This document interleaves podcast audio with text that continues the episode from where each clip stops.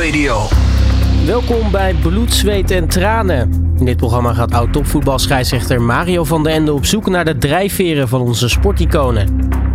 Vandaag de gast in Bloed, Zweet en Tranen, de dame die tafeltennis in Nederland op de kaart zette, Bettine Vriesekoop.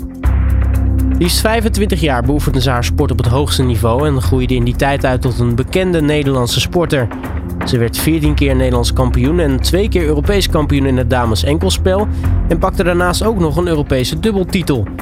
Mede door deze prestaties werd Bettine twee keer uitgeroepen tot sportvrouw van het jaar in 1981 en 1985. Tijdens haar carrière begon ze met het studeren van Chinese talen en culturen aan de Universiteit Leiden. Haar interesse in de Oosterse wereld en filosofie inspireerde haar onder meer om boeken te gaan schrijven over China.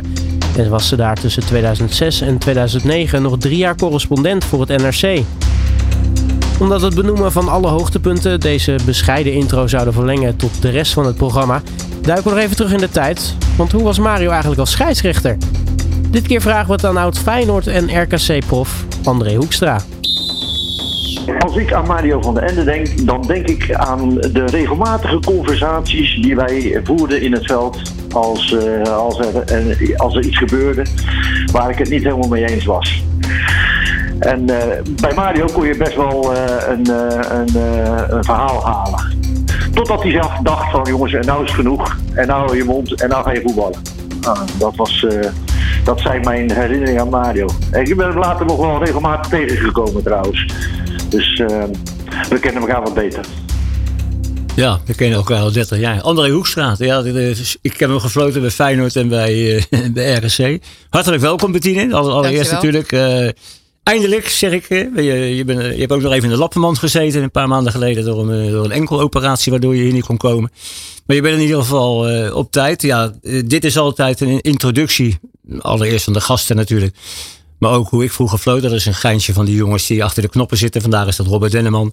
Die bellen dan een oud voetballer waar ik niks van af weet. En dan word ik altijd met... Uh, ja, of ik word even neergezet. of ik krijg nog een paveer in mijn achterste. Dus uh, deze valt mee. Maar dit was ook een van de, een van de jongens die ook uh, gestudeerd had. Dus dat scheelde een stuk. Daar kon je toch iets anders mee praten. Uh, ja, uh, nu we het tegelijk over arbitrage hebben. Hoe is het eigenlijk in de tafeltennis geregeld? Hè? Jij hebt jarenlang uh, ja, je carrière achter de tafeltennis. En dan zie ik wel eens een man die vroeger met die bordjes om mocht slaan. Mm -hmm. ja. Maar ze doen het ook met z'n tweeën, geloof ik, hè? Ja, er is één iemand die slaat de bordjes om. En de ander die, zit, ja, die zit eigenlijk min of meer te beoordelen. Althans bij de topwedstrijd hoor. Want in een competitie dan moet je echt wel op het hoogste niveau spelen. Wil je überhaupt een scheidsrechter krijgen? Anders moeten ze gewoon zelf tellen. Uh, maar in internationaal. conflicten oplossen. Inderdaad, ja, is best wel lastig. Dan moet het toch wel een beetje, zeg maar, vanuit de club uh, moet er toch zeg maar een arbiter zijn. Maar uh, ja, internationaal, ja, weet je, het gaat vaak om toch wel om service afkeuren of beoordelen van een rand. Dat, of een bal net de rand raakt of toch de zijkant van de tafel. Of iemand, ja, ik noem even iets, met zijn hand op tafel komt of whatever. Of een bal gaat in een rally kapot. Uh, is dan, normaal telt het punt niet. een led, als er een balletje van de andere kant komt, telt het punt dan niet. Dat soort dingen allemaal. Ja, ja dus dat zijn eigenlijk details. Want jij zegt bijvoorbeeld ook, je moet de service af, afkeuren. Ja, nou kijk, dus de service moet je 16 centimeter opgooien. Nou kan je daar natuurlijk als scheidsrechter niet echt een meetlat uh, naast leggen. Nee. Want dan moet allemaal op gevoel. Maar vroeger, kijk, vroeger was in heel veel opzichten waren de regels veel uh, soepeler. Maar waardoor het eigenlijk ook moeilijker werd voor de tegenstander. Bijvoorbeeld in mijn tijd mochten de Chinezen ja, en iedereen uh, die mochten achter de rug serveren. Dus in mijn tijd waren heel veel dingen eigenlijk moeilijker. Nu is het spel een stuk sneller geworden. Want je moet het balletje uh, zien. Ja, je moet het bal, nu moet je het balletje voor je houden. Je mag het dus niet meer ja. camoufleren met je schouder of met je hand of achter je rug zelfs. En je mag het balletje niet schuin naar achter gooien. Je moet hem recht, loodrecht opgooien. En je moet echt laten zien, alsjeblieft, dit ga ik doen. Vroeger zag, zag je helemaal niks wat er gebeurde. Opeens kwam die bal ergens tevoorschijn. Een grote verrassing ineens. Ja, ja er was, qua effecten en inschatten was uh, de serviceontvangst in ieder geval. En je had ook nog dezelfde kleuren rubber waar je mocht, mee mocht spelen. Zodat de Chinezen gingen onder tafel draaien. Zodat je niet zag met welk rubber er, er werd gespeeld. De bal. En waardoor je echt naar de curve van de bal. En de bal was ook een stuk kleiner dan nu. Dus heel veel dingen in de tafeltennissport zijn nu een stuk makkelijker geworden. Maar de snelheid is wel toegenomen. En dan zie je dus eigenlijk de inhoud dat het minder is geworden. Het schaken in de sport. En, maar dus, dat gaat allemaal hard. Ja. Dus ja. Nou, nee, want ik, ik vind dat wel uh, verbazingwekkend wat je zegt. Want ik, een van mijn vragen is ook, dat kun je in jouw sport, in het tafeltennis, kun je ook een beetje vals spelen. Maar dat heb je eigenlijk al gezegd. Maar dat zijn ze dus uh, de tafeltennisbond heeft waarschijnlijk dat uh, ja, aangepakt door te zeggen van we moeten het eerlijker maken. Ja, nou kijk, sommige scheidsrechters zijn dan wat uh, soepeler. En zeker op nationaal niveau, dan kijken ze ook wat minder. Maar internationaal niveau zijn ze dan wat strenger. Maar sommige, die heb, die heb je dan ook natuurlijk wel favorieten. Hè? Ik bedoel, uh, sommige scheidsrechters hebben gewoon de pik op je. Ik weet niet of dat in voetbal is, maar bij, in onze sport ook gewoon. Ik durf dat wel ja. te zeggen. ja, nee, maar heb je, dat heb je dus ook wel eens gemerkt, neem ik aan. Als je dus in ja, zeker. En ik was natuurlijk ook altijd, uh, ja, mensen hielden van me of ze hadden een hekel aan me. Was dat niet heel veel tussen. Uh, voornamelijk als speelster dan, hè, als persoon. Ja, god, dat wordt soms gelijk getrokken. Maar je bent soms als speelster ben je een heel ander mens dan in je gewone leven. Ja, maar sommige mensen kunnen dat dan niet scheiden. En sommige mensen vonden mijn fanatisme dan uh, bewonderden ze heel erg. Maar de anderen hadden dan misschien, uh, en zeker als ik dan iemand uit hun eigen land versloeg, hadden ze me weer een hekel aan. Maar ja, zo heb je dat altijd natuurlijk. Ja, want uh, wat je zei, hè, dat rubber is natuurlijk heel belangrijk. Hè? Want ik ja. heb ook wel eens begrepen dat bijvoorbeeld op het laatste moment werd er dan nog bijvoorbeeld een, een beetje snellijm tussen gedaan of zo. Ja, dat je dan, ja zeker. Dat je dan een ander effect kreeg of een ander ja, nou goed, kijk, wij bij onze sport is uh, tafeltennis is een hele mondiale sport. Het is een hele snelle sport, complex. Maar ook nog eens heel complex, omdat er met heel veel verschillende materialen. Je hebt hele waslijsten met allemaal verschillende soorten rubbers.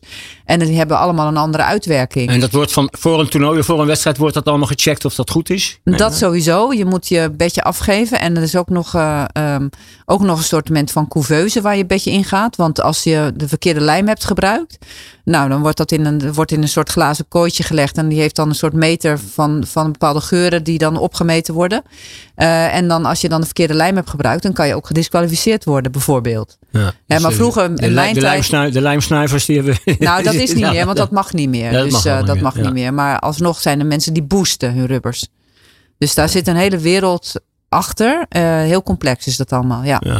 En die tafeltennisbond, de internationale bond waarschijnlijk, die die regels dan, die zijn ook wel bezig om het spel wat aantrekkelijker te maken. Je zei net al, de bal is een stukje groter geworden. Wel 2 mm. Ik geloof dat hij nu van ja. 40, centi 40, 40 mm in doorsnee is. Dus merk je dat dan ook, dat het van 38 naar 40 mm? Ja. Tuurlijk, kijk, uh, ik zit wel eens zo'n oud balletje tussen mijn ballenbak, want ik geef ook training. Ja. En dan is er wel zo'n verdwaalde bal. En dan uh, die kinderen, waar ik dan met, soms mee train, die, die krijgen dan opeens zo'n balletje in het spel. En die zeggen van, uh, ja, maar die kan ik niet zien.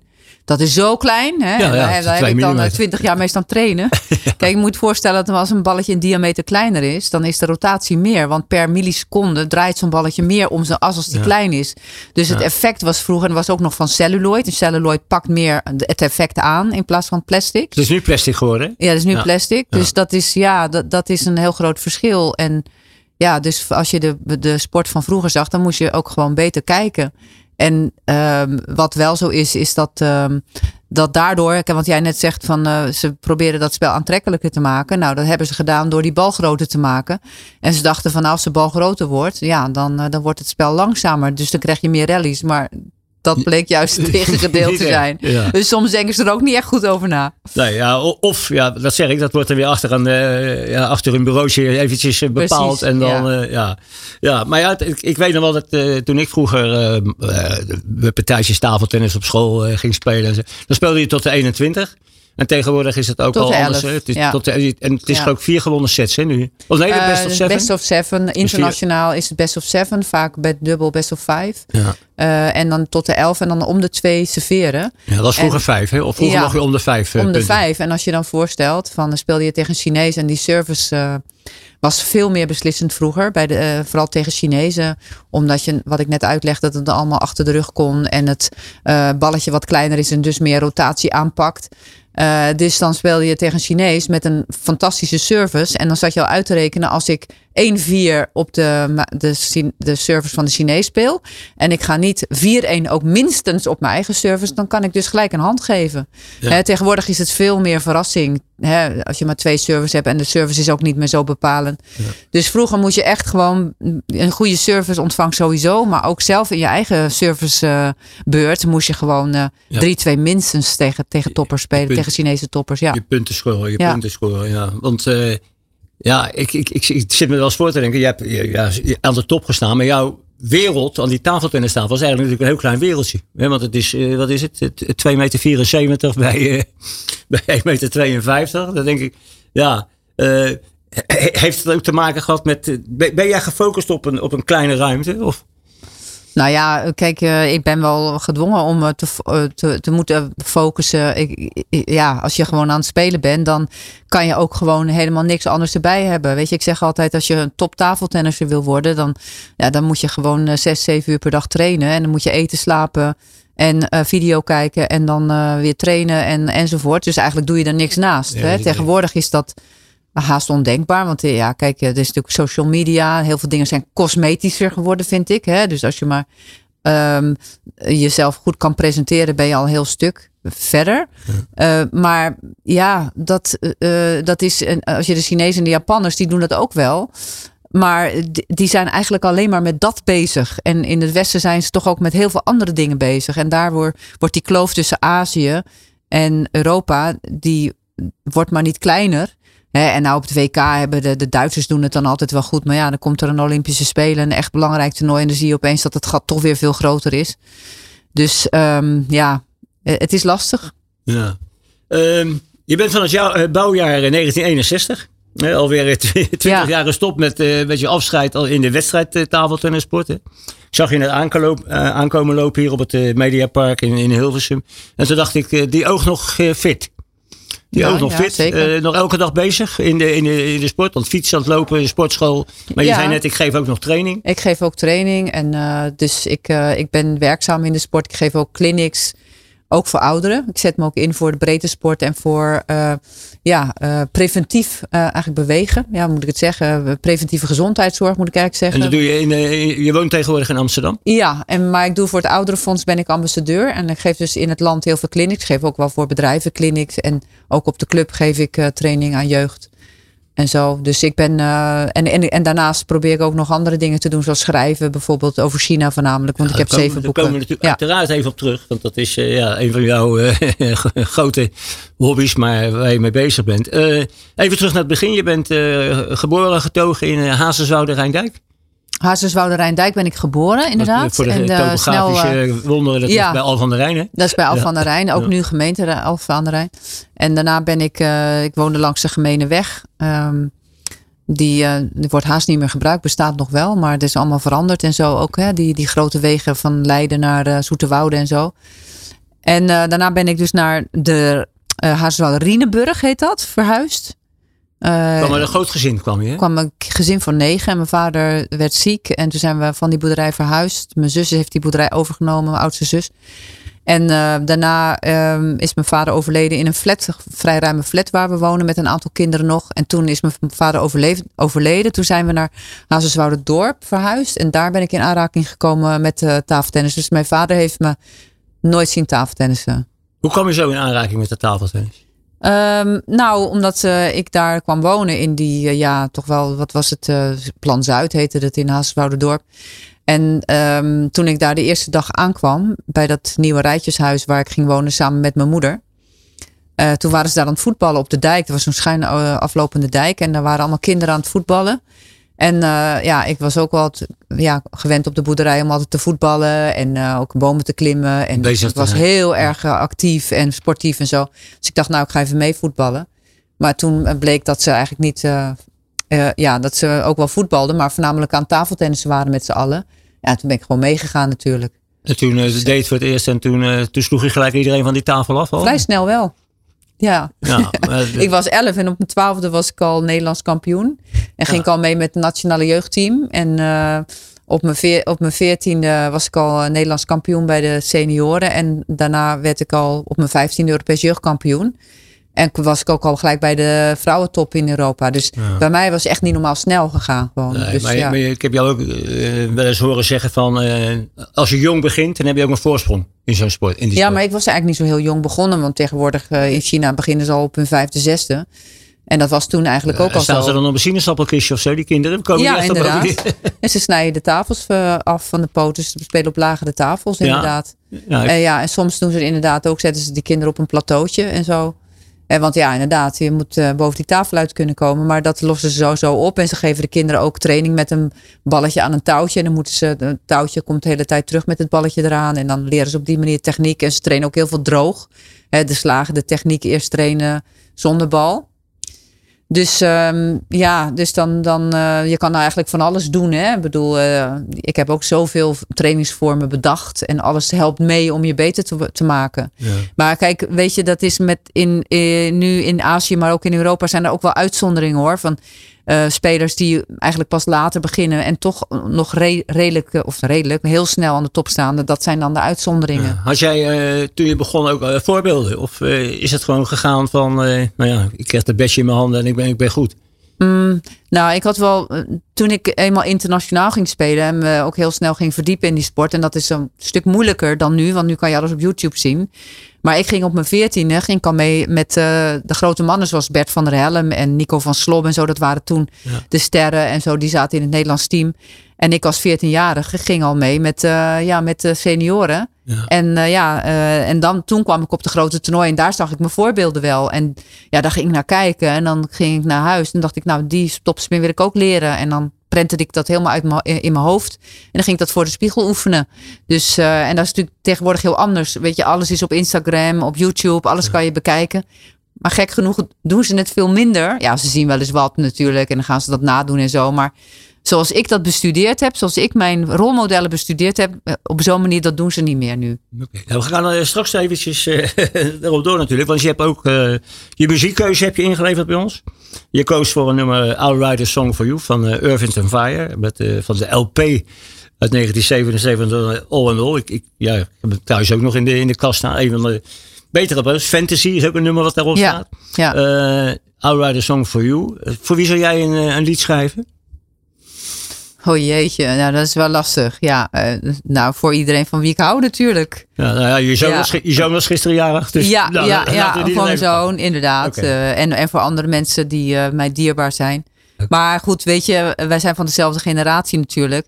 En Earth, Wind and Fire. En straks komt ook de Eagles en zo. Ja, dat, ja, dat zijn allemaal. Um, ja. dat, daar ben je mee opgegroeid. En ik, heb, ik had een pick-up noemden ze dat. Ja, noem ik het. En we zeiden nog pick-up, maar dat was gewoon pick-up natuurlijk. En dan had ik op mijn kamer, dus later verbrand omdat mijn ouderlijk huis is verbrand. Ja, weet je, dat uh, draaide ik als ik dan s'avonds thuis kwam van de training, dan zet ik die LP op.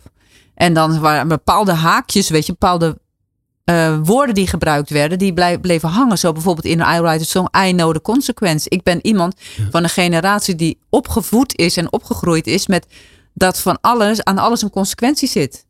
En die eerste, een van die eerste zinnen in dat liedje, ja. dat zit in mijn hoofd geprent. I know the consequence. Dus alles wat je doet, heeft een consequentie. Nou, we gaan luisteren naar Philip Bailey. Goeie zanger, Irving Fire. I'll write a song for you. De sportzender van Nederland. Dit is All Sports Radio. U bent terug bij het programma Bloed, Zweet en Tranen. En hoorde zojuist uh, de eerste muzikale keuze van uh, tafeltennis-icoon Bettini Vriesekoop. Die vandaag bij ons uh, te gast is. I'll write a song for you van Irving Fire.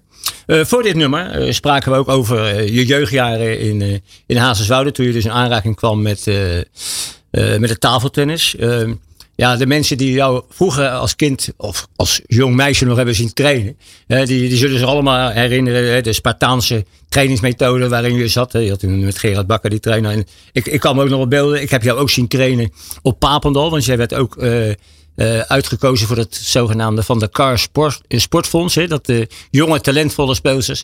En ja, daar was ik altijd, uh, allereerst was ik een beetje verbaasd. Want in die tijd, een, meisje die zo verschrikkelijk voor haar sport gaat.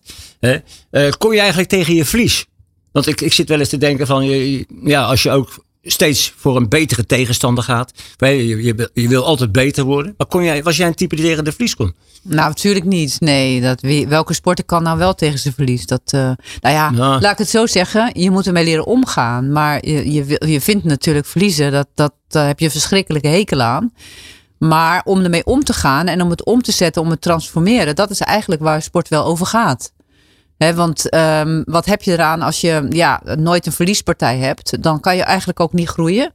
En dan krijg je ook geen lessen. Dus het en, is dat ja. cliché van uh, als je een tegenslag moet verwerken, daar word je beter van dan. Uh, jij zegt daar word je ook sterker. Zeker, zeker. De verliezers zijn vaak interessanter qua ja, wat die met dat verlies doen. Want uh, de verliespartijen die ik heb moeten verwerken en die mij hebben, hebben ja, aan het denken hebben gezet. En die, hebben, die, houden, ja, die, die verliespartijen houden je ook scherp. En die zorgt er ook voor ja, dat je ook Hoewel het ook wel moeilijk is om dan toch soms die motivatie weer te hebben. Want als je te veel gaat verliezen, dan ga je motivatie verliezen. Dus het moet wel een beetje een balans in zitten natuurlijk. Want ik denk zelf dat als ik heel veel had verloren in het begin van mijn carrière. Dat ik misschien wel uh, ja, uh, de pijp aan Maarten had gegeven. Dat ik dacht van ja, weet je, dit heeft geen zin. Want ik ben wel iemand, ik ben wel heel fanatiek. Uh, geweest altijd. En nou ja, fanatiek gepassioneerd. Ik vind fanatiek altijd uh, enthousiast zou je ook kunnen zeggen. Hè? Want het is al een beetje negatief altijd. Maar um, ik, ben, ik ben niet gek. Dus ik, als ik had gezien van dit gaat niks tot niks leiden. Dan had ik er al mee gestopt. Want uh, nee. Want het is, ook, het is ook nog een complexe sport. Hè? Het, is, het zijn details die vaak bepalen hoe zo'n wedstrijd verloopt. Hè? Het is techniek, het is tactiek, het is snelheid, het is scherpte. Eén seconde van onoplettendheid gaat het punt naar de tegenstander. Ja, dus je bent, constant, je bent constant bezig, niet alleen Druk fysiek. is enorm met het, eh, menta de mentale druk bij tafeltennis. Ik weet niet of je als een topwedstrijd hebt gezien. Ja, ja, ja. maar dat, ik heb je regelmatig. Eh. Ja, dan, uh, maar als je in de, vooral ook in de zaal zit zelf, dan zie je ook dat, dat er ook gewoon enorme, die spelers enorm onder druk staan.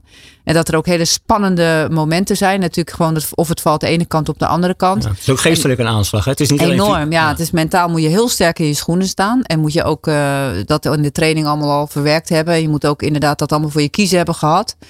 En um, daarnaast is het denk ik ook zo dat, dat de goede, de toppers zeg maar, eigenlijk ook precies snappen en weten van oh, dit zijn cruciale punten. En die dan moet ik, die moet ik dan pakken. En je ziet ook spelers zo altijd als het net omspant, weet je wat het wordt het 6 8 7 8 of 6 9, ik noem maar even straat of Net gewoon verschil van uh, uh, uh, en, en bepaalde punten zijn ze zijn zo beslissend in tafeltennis, zeker nu het bij tot de 11 maar gaat. Ja. ja. En, als, als jonge vrouw heb je ook je grenzen verlegd. Hè? Het Nederland was natuurlijk te klein voor tafeltennisland. Je bent wel heel op jonge leeftijd al een keer in China geweest. Hè? Een maand of drie geloof ik om te kijken van ja, wat, uh, wat leer je daar dan ineens? Wat, wat, wat, wat is dan voor jou de eye-opener geweest? En, uh, want ja, China was natuurlijk de wereldtop. Hè? Je hebt uh, ook nog eens een keer zevende gestaan op de wereldranglijst.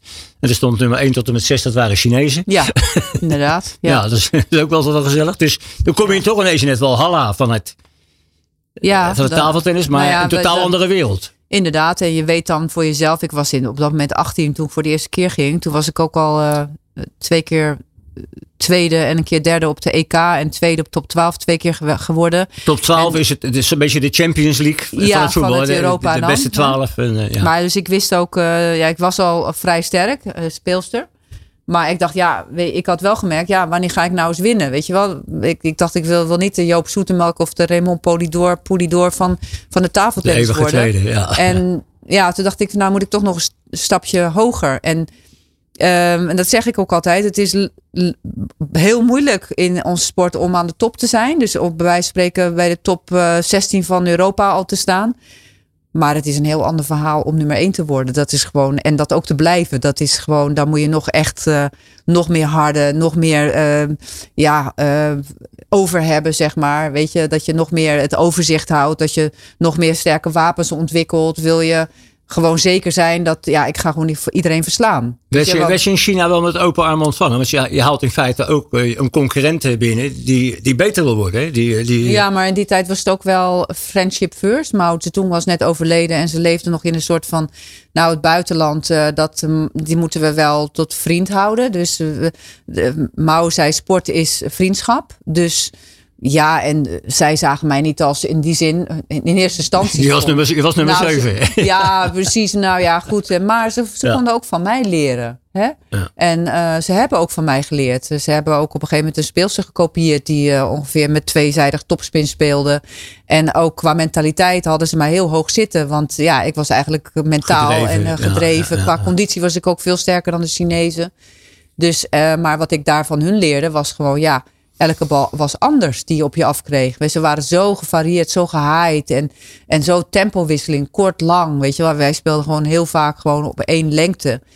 Maar in die tijd ja, speelde Chinees ook nog heel vaak met penhoudergreep of met. Uh, penhoudergreep, dat betekent dat je je bedje dan. Uh, ja, anders ja, vast hebt. Waardoor je ook veel meer die bal kan snijden. Waardoor je de bal veel makkelijker kan afstoppen. Waardoor je wel ook een stuk mindere backhand hebt Maar die, die, vooral die, wat ik daar geleerd heb, is van, van, van niet van links naar rechts bewegen, maar ook van voor naar achter. Wat eigenlijk in tafeltennis veel moeilijker is. En, ehm, ja, en ook uh, het, het aanpassen, het zien, het lezen van het spel. En, ja, en ook een hoger tempo spelen. Dat soort zijn dingen allemaal ja, die toen ik terug was in uh, Europa, dat ik dacht van nou, ik kan nu wel een boek lezen. En zo simpel allemaal. Je, je krijgt een soort hoogtestage op het gebied van het spel lezen. Ja, en op het gebied van snelheid en, en rotatiewisselingen en tempowisselingen. Waardoor je het gewoon een complete speel. Ik was echt gewoon completer geworden. Ja, want je hebt natuurlijk daarna eh, enorm veel succes uh, gekend. We hebben het in de inleiding gehoord. Je bent twee keer Europese kampioen geweest in 82 en in 1992. Er zat wel tien jaar tussen. Ja. Is, dat, is dat wel mogelijk in, in, in zo'n Nou ja, maar zeker in die tijd was dat knap. Want in mijn tijd toen ik begon was het, het spel trager. En je had ook nog geen heel snel materiaal. Het was wel snel, maar niet zo snel als het werd toen uh, de met, met, zeg maar met lijm, de rubbers met lijm werden behandeld. Waardoor je een enorm katapult effect kreeg. Dus opeens moest ik in mijn carrière zo'n enorme switch maken zo'n grote switch uh, zal er nooit meer plaatsvinden. Want die rubbers zijn toen opeens zoveel sneller geworden. Dus mijn tweede Europese titel was gewoon met veel sneller materiaal. Ja. En dus je dus ziet je nou gewoon, aan, dus je hebt je wel aan kunnen passen. Het, precies. En, en uh, ja, er wordt nu nog wel een stukje sneller gespeeld. Maar het was toen, mijn tweede Europese titel was zeker ook niet, daar ging het ook niet uh, al te zachtzinnig aan toe. Ja. Er werd gewoon hard gespeeld. Ja. En ja, dus dat was in die zin heel knap dat ik dat nog toen uh, alsnog een keer heb kunnen doen. Maar jij zegt nu Europees, maar ik ben eigenlijk veel meer, veel toch trotser op het feit dat ik 14 internationale kampioenschappen heb gewonnen. Ja, ook waar ik ook Aziaten heb verslaan. Zoals de Koreanen, de Japanners, de Chinezen. Want die waren in Europa ja, natuurlijk. Ja, dat was ik nog niet. Anders ik had ze dus, natuurlijk wel genoemd. Hè, want je, hebt ook, je bent 14 keer ook Nederlands kampioen uh, geweest. Uh, je bent 16 keer in het, in het dubbelspel. En dan komen we bij namen ervoor als, als Mirjam Hoopman en Emilie Noor, geloof ik. Heb je er ook mee ja, gespeeld en zo? Ik heb 42 nationale titels in totaal. 42 in totaal. Ja. Nou ja, goed. dan moeten de mensen thuis maar even opgezoeken. Ja, uh, je hebt ook in het Nederlands teamverband heb je nog medailles gehaald. Hè, met, op EK's en WK's. Op EK's ja. en WK's. Je hebt drie keer deelgenomen aan de Olympische Spelen. Hè, in, uh, in Seoul, Barcelona, Atlanta. Uh, ja, daar heb je altijd natuurlijk het probleem dat je tegen altijd een paar Chinezen het onderspit moet kunnen delven. Want dat, dat, is altijd een vast pandoer dat hij natuurlijk daar... Uh... Nou ja, goed, in 82 was natuurlijk mijn beste jaar. Want toen ben ik uh, naar China ook geweest. En toen had ik echt wel goede kansen tegen de Chinezen. Toen heb ik ze ook op toernooien verschillende keer verslagen. En had ik mijn hoogste positie, die ik overigens nog wel een paar keer herhaald heb hoor. Want ik ben zo'n beetje tien jaar lang op de top 10 van de wereld gestaan. Maar um, toen was uh, het tafeltennis nog niet Olympisch. En dat weten heel veel mensen dan niet. En ja, als ik op mijn twintigste of op mijn zestiende eigenlijk, want toen was ik al bij de Europese top, had ik al mee kunnen doen aan de Olympische Spelen. Maar ja, daar heb ik gewoon de kans niet voor gekregen. En dus moest ik het op mijn 28ste gelijk gaan maken. En uh, ja, dan weten we allemaal hoe dat is afgelopen. Ik had toch wel een zekere medaille laten liggen. Ja, maar, ja vervelend. Ja. Maar goed, maar al die titels. En, uh, uh, je bent natuurlijk speelster van de EU geworden. Je bent uh, twee keer Nederlands sportvrouw geweest in 1981 en 85. Is er een uh, Bettine Vriesekoop museum bij jou thuis of niet? nou, het museum heb ik allemaal in een kist gedaan, die op zolder.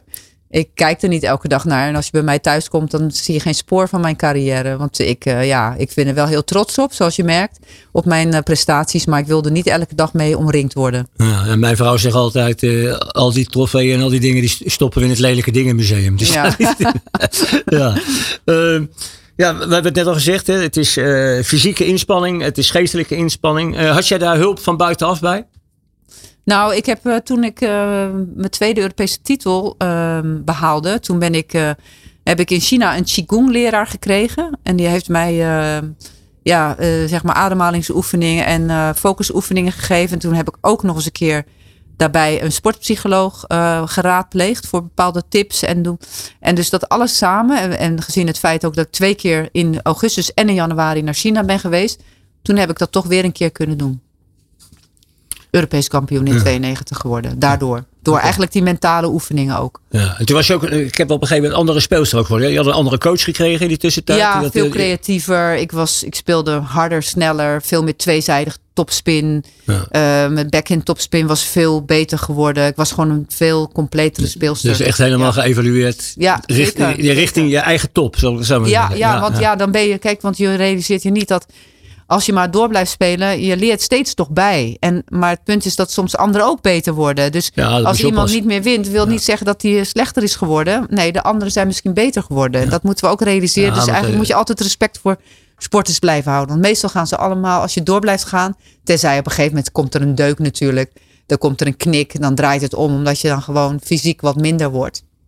En meestal gebeurt dat na je 35ste. Ja, eigenlijk al eerder, maar dan ga je het echt zien. En, en dan wordt het wel lastiger. Maar dan kan je soms heel veel dingen nog compenseren. In dit programma proberen we ook altijd uh, achter de persoon te komen die uh, hier uh, ja, te gast is. En ik heb geprobeerd wat persoonlijke kenmerken om een reisje te zetten. Waarvan ik denk van nou, die, kunnen wel bij Bettine passen. ik vraag je daarop heel kort even te reageren. Als ik denk aan Bettine Vriesekoop, dan denk ik aan iemand die heel geëngageerd is. Ja, ben ik wel. Ik ben wel betrokken bij dingen. Soms, uh, ja, ik trek me ook soms dingen aan. En daardoor word ik, word ik soms ook emotioneel. Maar ik heb ook wel vaak een mening over dingen. En soms, ja, sommige mensen vinden van mij dat ik niet diplomatiek ben. Maar ik uh, kan heel goed diplomatiek zijn. Maar ik kies mijn momenten daar wel voor uit. Soms moet je dat gewoon niet, vind ik. Intens? Ja, zeker. Ja, ja ik beoefende ook een intense sport dat is een eh, sport waarbij je niet... Bij je uh, beetje... ook wel bij je past. Ja, zeker. Want je moet niet gaan staan dromen achter die tafel. Dan voor je twee sta je, heb je vier punten verloren. Dus. Ja. Uh, controlehoudend.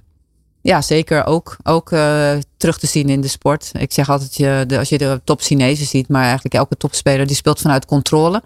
En die beheerst het, het hele veld en die kiest momenten uit. Terwijl vaak mindere goden die beginnen gelijk met rammen. Maar de controle, het overzicht hebben ze dan minder. Ja, want we hebben voor deze uitzending ook getost waar je ging zitten. Dan zei jij, maakt niet uit. Maar het eerste waar je doet, is naar deze stoel lopen. Waar je ook een beetje het overzicht hebt. Ja. Waar je buiten kan kijken. Waar je naar de, maar dat is feng shui. Hè? Kijk, ik ben een beetje Chinees opgevoed. En een Chinees gaat nooit met zijn rug naar de deur zitten. Nou ja, en uh, je moet altijd overzicht houden. Want kijk, ik ben niet iemand die een vijand, uh, vijandschap denkt. Maar de Chinezen doen dat wel. Ja. Dus ja, van als je, ja, weet je, ik heb mijn huis ook feng shui bijvoorbeeld ingericht. Uh, ik zet geen stoel achter de deur bijvoorbeeld. Of ik zet niet mijn, uh, mijn bureau waar, waar je weet je rug naar de deur zit. Zodat je niet ziet wie er binnenkomt. Ik voel me ook niet prettig trouwens als dat is. Nou, Guus Hiddink en uh, Ronald Koeman die zaten een keer op jouw stoel. Die zeiden ik ga niet met mijn rug tegen. Want kunnen ze er geen, geen mes in steken. Precies, maar zo, zo denken de Chinezen ook.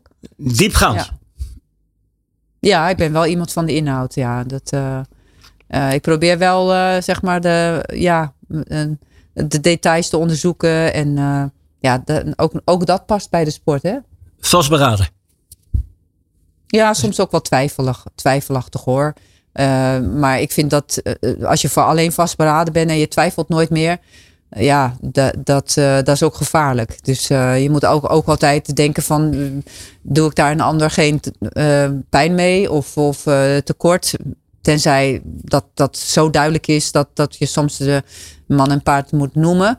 Maar uh, ja, je moet wel, wel gewoon proberen empathisch te blijven. En, en uh, in dat, dat had ik al staan, empathisch. Ja, ja, ja. ja ik vind wel dat uh, je moet empathisch in de wereld staan. Want iedereen heeft een ander verhaal. Oprecht? Ja, over, dat over jezelf te zeggen vind ik een beetje lastig. Zeg maar, zeg maar gewoon ja, ja. Dan, gaat voor kwaliteit in plaats van uh, kwantiteit. Ja, ook dat. Tafeltennis ook allemaal. Je moet voor de kwaliteit gaan. En je ziet eigenlijk dat ik zo'n bijna bij, als ik dit nou zo zie, denk van ja, je hebt gelijk. Maar ik, ik kan het allemaal uh, zeg maar kantelen naar de sport. Hè? Dus de sport heeft me misschien ook wel gevormd. Want ja, ben jij nou, als je word je geboren als tafeltennisser of word je geboren, je, wordt je, je gaat je pad kiezen en je ontwikkelt. En nou ja, door tafeltennis heb ik ook wel bepaalde uh, ja, vaardigheden ontwikkeld door mijn sport. En dat vind ik ook de waarde van sport. Het gaat niet alleen maar om die kampioenschappen, maar ook dat je jezelf uh, ontwikkelt. En daardoor is verliespartij is niet erg. Sterker nog, je, je, je vormt jezelf uh, op die manier beter. Wil graag veel zelf doen? Hm, ja, delegeren, delege ja, delegeren is wel niet heel mijn sterke punt. Maar ja, ook dat in de sport kan je niet zeggen, ga jij het even doen. Behalve misschien in een dubbel, maar dan moet je ook om beurt slaan bij ons. Dus. Kritisch? Ja, zeker. Kritisch.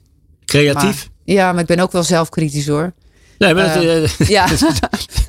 ja, maar ja, kijk, zelfkritisch is ook eh, lastig hoor. Want je moet ook op een gegeven moment, uh, je doet je best. En soms moet je niet nog eens een keer dat kritische stemmetje eroverheen gooien. Want sommige dingen die gebeuren zijn al erg genoeg, toch? Probeer het harmonie te zoeken. Ja, dat heb ik van de Chinezen. Ja. Die, ja. die zijn altijd met harmonie bezig. Dus een beetje conflictmijdend. Kan ik nou, soms ja, weet je, als ik eenmaal in, uh, in vergadering zit, dan, dan, dan ben ik, zoek ik het conflict niet op. Maar ik zeg dan wel eerlijk wat ik van de dingen vind.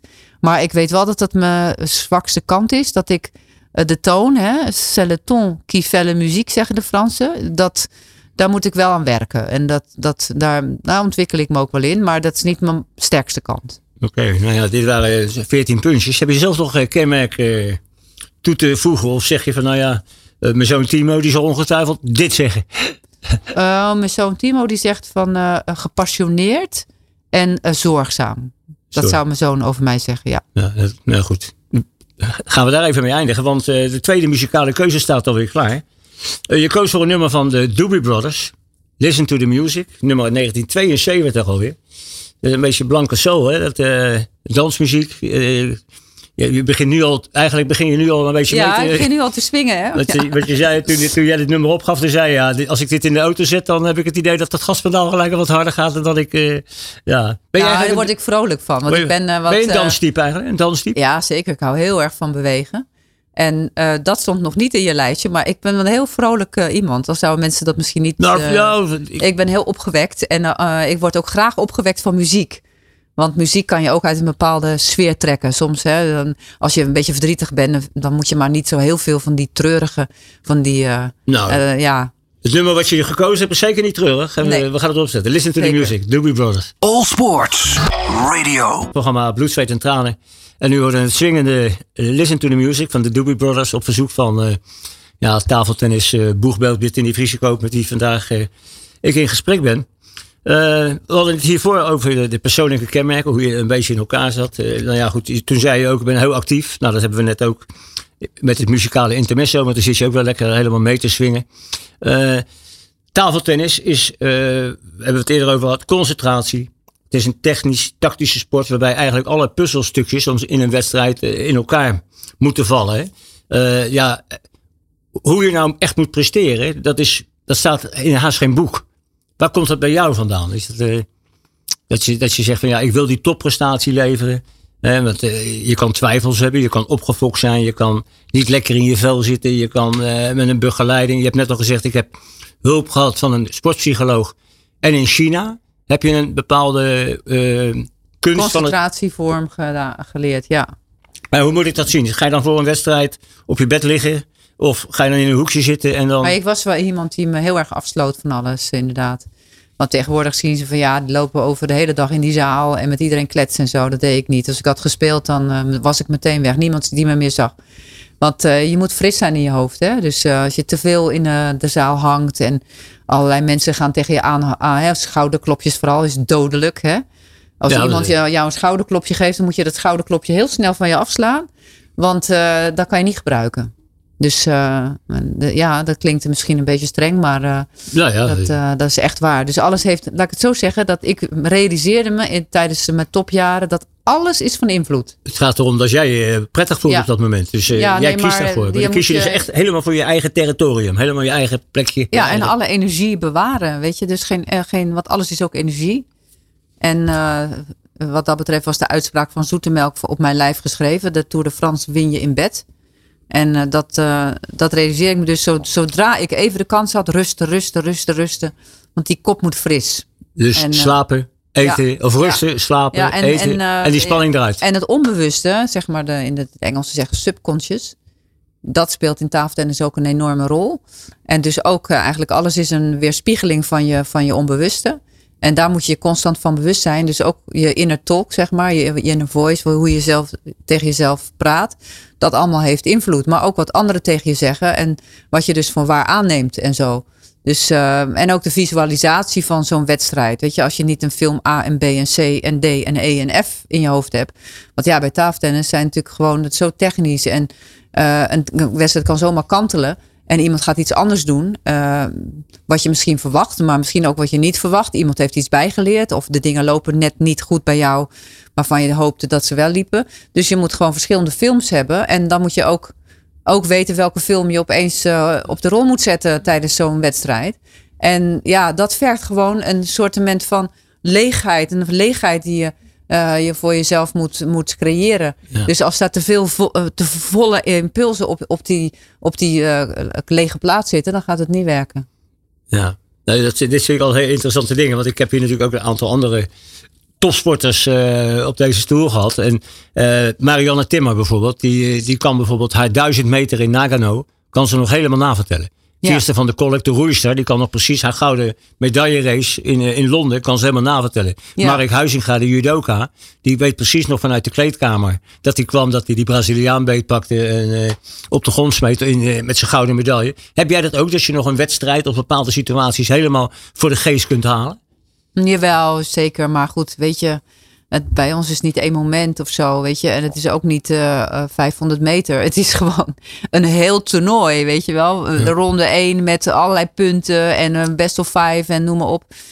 Nee, maar sommige dingen die heb ik wel onthouden. Sommige cruciale momenten inderdaad. Uh, maar een hele wedstrijd, ja, die duurde gewoon te lang. En zeker. En het gevoel, ik, speelde, gevoel ik, ik heb ook wel eens gelezen dat jouw tweede uh, Europese titel die je haalde, dat dat voor jou meer waarde had? Of dat je je anders voelde dan bij de eerste? Weet je? Dus... Ja, maar het is ook lastiger om het nog een keer te doen. Want als je daar helemaal zeg maar een tabula rasa, helemaal blanco bent en je weet je gaat gewoon spelen, je bent een jonge hond en je gaat het doen en opeens, oh, eigenlijk is het opeens, oh, ik ben een Europees kampioen, weet je, want je zit in zo'n modus en ik heb ook nog natuurlijk een enorm lastig EK gehad met allemaal zware injecties die ik in mijn voet kreeg na elke wedstrijd en dan toch nog drie finales halen.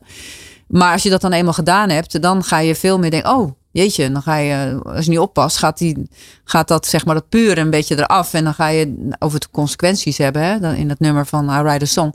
Dan ga je de consequenties van verlies of winst ga je veel meer zien. En dan, ja, dan moet je echt wel meer klassen meebrengen om het nog weer te doen. Of nog een keer en elke keer opnieuw. En dat zijn natuurlijk, ja, dat is een ander verhaal. Wat ik al net zei, dan een beetje bij de top zitten. Ja. Een kwart eeuw geleden alweer eh, heb je ook een uh, soort. Ben je een reis begonnen in de journalistiek? Je ja. stukken gaan schrijven, je bent boeken gaan schrijven. Ik, uh, ik heb er een, een, tweetal gelezen. Je hebt ook nog een studie uh, sinologie. Hè? Dus dat, ja, eigenlijk alles wat met China te maken heeft, ben je, ben je gaan volgen. ja, die Oosterse cultuur, hè, die, die, die, staat jou aan. Je hebt, je hebt er ook een tijd gewoond. Hè? Je bent ook correspondent voor het NRC geweest. Ehm, ja, kun je dat een klein beetje vertalen? Waar komt dat vandaan? Die, die, die Oosterse magie? Mm. Nou ja, vanuit uh, mijn trainingsstages natuurlijk toen ik daar voor de eerste keer kwam. Maar toen, voordat ik erheen ging, toen... En paste uh, dat gelijk bij jou? Je dacht gelijk, dit past bij mij of niet? Uh, nou, ik had wel meteen, voordat ik er überhaupt geweest was, had ik al een soort fascinatie voor het land. Want ja, ze hadden de pingpongdiplomatie. En uh, er waren twee belangrijkste landen in de wereld die hadden een pingpongwedstrijd gespeeld. En dat vond ik heel interessant.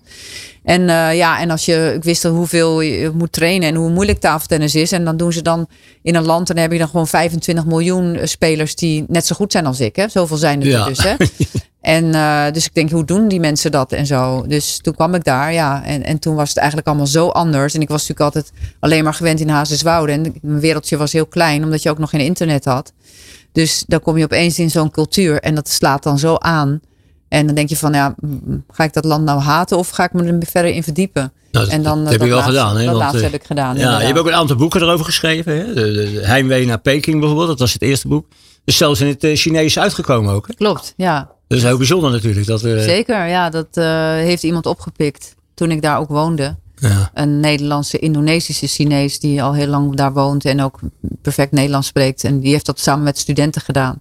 En die is toen, dat boekje is toen bij de ambassade in de Nederlandse ambassade uh, vlak voor de Olympische Spelen uh, gepresenteerd. Dus dat is een heel mooi moment inderdaad. Ja, nou goed, dan heb je bij de Chinees, dat vind ik altijd zelf wel een, eh, een mooie titel. Hè? Dat zijn alle gewoonten en gebruiken hè, die daar ja, in, dat, in China. duizend dagen in China, dat is over je... correspondentschap, ja. Ja, dus dan... ja, en dat, dan zie je dus ook China weer een hele andere ontwikkeling waarschijnlijk. Hè? Dat was 2009 ben je daar teruggekomen geloof ik. Hè? 2010, ja. Van 2010, ja. ja. Maar dan zie je dus die ontwikkeling. Nou, dan heb je laatst recentelijk nog de dochters van Mulan. Ja. Mulan is volgens mij die zwaardvechter, toch? Dat klopt, heel goed. En dat, ja. ja, nee, dat, dat, dat ging ja. over de rol van de vrouw hè, in China. Ja, dat is dat natuurlijk klopt. ook heel bijzonder dat je daar. Hè, ik denk dat je, hoe, hoe word je dan aangekeken daar? Als je daar ineens. Want dan, ge, dan geef je toch ook je mening. Dat, uh, ja, hoe, de, hoe, hoe belangrijk de vrouw is in de ontwikkeling van China. Uh, ja, nou, ik heb voornamelijk. Uh, kijk, no tegenwerking gekregen als je zoiets. Um, nou ja, kijk, China is natuurlijk heel erg veranderd nu. Hm. maar in die tijd, ja, en, en, dat was natuurlijk een vrij onschuldig onderwerp, weet je. De positie van de vrouw, het was meer sociaal en niet politiek. Dus dan, uh, dan willen mensen echt nog wel meewerken. En vonden ze ook heel interessant om uh, uh, met mij te praten. En ik heb voornamelijk mensen geïnterviewd. Hè? Ja, Want ja, mening geven is één, maar je kan beter soms luisteren.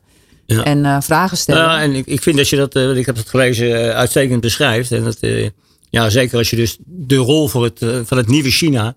Ja, dat vind ik mooi. En recent heb je dus ook nog het, het China-gevoel van Pearl S. Buck beschreven. Hè? Missionarisdochter uit de jaren 30. Ja. Nou, hoe kom je daar nou ineens bij? Nou, dat was eigenlijk door Dochters van Mulan. Dus, want ja. uh, dat was, ging over de, de opening van China, de zogenaamde 4 mei-beweging. Uh, van de, de, wisseling van het keizerrijk naar een republiek China eerst en later volksrepubliek. En toen was er een beweging, die heette 4 mei-beweging. En die keken heel erg naar het westen, uh, op allerlei vlakken, maar ook op literair vlak. En uh, ook de emancipatie van de vrouw kwam toen om de hoek kijken. En Pearl Buck woonde daar toen. En die had ja. contacten met, zeg maar, de, ja, toch wel de, de pioniers op het gebied van emancipatie in China. En toen begon ik haar levensverhaal te lezen. En toen dacht ik, wauw, dat is zo interessant. En ik kon niet meer ophouden met de aantal biografieën die uh, over haar is geschreven, ja. om die allemaal uit te pluizen. Dus de Nobelprijswinnaar is ook geweest. Ja, ja, ja, ja, En uh, toen is daar, ben ik dat leven gaan onderzoeken. Ben ik haar, al de plekken waar zij heeft gewoond in Amerika en China, ben ik langs gaan reizen. Want het zijn allemaal musea geworden. En, uh, en, en langs die reis, reis aan de hand van de reis, beschrijf ik haar leven. En dat is voor mij ook een openbaring geworden. En ik heb ontzettend veel van haar geleerd. Uh, en voornamelijk ook nog vastberaden te zijn. Dat, misschien was ik dat al, maar door haar leven van in die tijd, wat die vrouw gewoon doet. Want ze was gewoon een heel goed mens, dus ze deed niks slechts. En ze dacht van, uh, mensen kunnen commentaar hebben, maar ik doe gewoon precies wat ik denk dat goed is. En ze was daar heel erg uh, rechtlijnig en vastberaden, maar ook wel heel, een, ja, hoe zeg je dat, empathisch. En ze heeft gewoon ongelooflijk veel gedaan. Het de humanistische gedachtegoed, daar is zij een van de grondleggers van. En samen met Eleanor Roosevelt, de, de, de presidentsvrouw, heeft zij toch wel ja, de, de universele verklaring van de rechten van de mens, daar heeft zij toch een aanzet toegegeven. Ja, nou, dat vind, ik, uh, dat vind ja. ik heel belangrijk. Ja. ja. Um, een nieuw boek? Ja, misschien wel. Iets met uh, Taoïsme, want dat is de filosofie die, uh, die China, toch wat ik heel interessant vind van China. En dat is eigenlijk ook de bakermat van het Chinese denken. En daar wil ik iets mee doen. Wat heb je en, daar tijd voor? Want je geeft ook nog veel trainingen, je geeft ook uh, veel clinics. Dus je... Ja, ik moet mijn tijd ervoor vinden. Maar misschien in de zomer dat ik daar wat meer tijd voor heb. En soms gewoon even, juist even niet. en gewoon even rust voor jezelf nemen en je gedachten ordenen. Want ja. schrijven geeft me ook altijd wel rust. Ja, voor jou liggen al een, een heel uur een gele en een rode kaart. Dat doen we altijd op het einde van het programma. Uh, de mag de persoon uh, ja, die hier te gast is, die mag dan een gele of een rode kaart aan personen, organisaties, noem maar op, uitreiken. Dus ik weet niet of jij nog voor iemand een gele of een rode kaart ja, hebt. Ja, nou twee. Een gele is nog niet zo erg en een rood is heel erg, toch? ja, dat, ja. sommige spelers, zeggen, sommige spelers verzamelen ze. Ja, ja. ja. oké. Okay, nou ja, ik geef liever gold cards. Hè, dus ik geef liever ook, positieve ook complimentjes. Maar ja, dat kan, is niet in dit programma. Dus ik moet het toch doen. Ja, de gele kaart natuurlijk voor FVD. Hè? Uh, want uh, dat hele discussie over dat meisje, heet ze Merel geloof ik. Ja, van, Merel, uh, Merel Eck. Ja, ja. En, en, dan denk ik, ja, oké, okay, je moet wel als journalist, moet je wel de ethische normen en waarden in de gaten houden. Dus ik heb er niet helemaal in verdiept wat zij nou precies voor onethische streken heeft uitgehaald. Ja. Maar dan denk ik bij mezelf, ja, jullie zijn, jullie zijn zelf ook niet van die lievertjes, dus hou eens even op zeg. Nou. ga even normaal doen. Dus uh, stop daarmee met dat kinderachtige qua jongens achter hoe oud zijn jullie, weet je.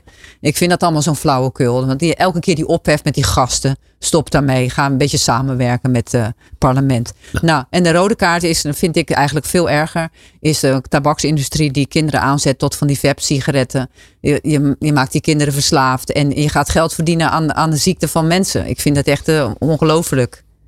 Dus ik wat dat betreft vind ik een ongelooflijke fan van Wanda de Kanter die zich daarvoor inzet als ambassadeur van uh, de anti-tabakslobby. En ja, dus uh, nou ja, dat. Nou, duidelijker kunnen we deze uitzending niet, uh, niet besluiten. Want ja, we, hoewel, we besluiten natuurlijk zo nog even met een, uh, met een ander nummer. Ja, een echte klassieker. met Hotel California van, van de Eagles. En waarom dit nummer?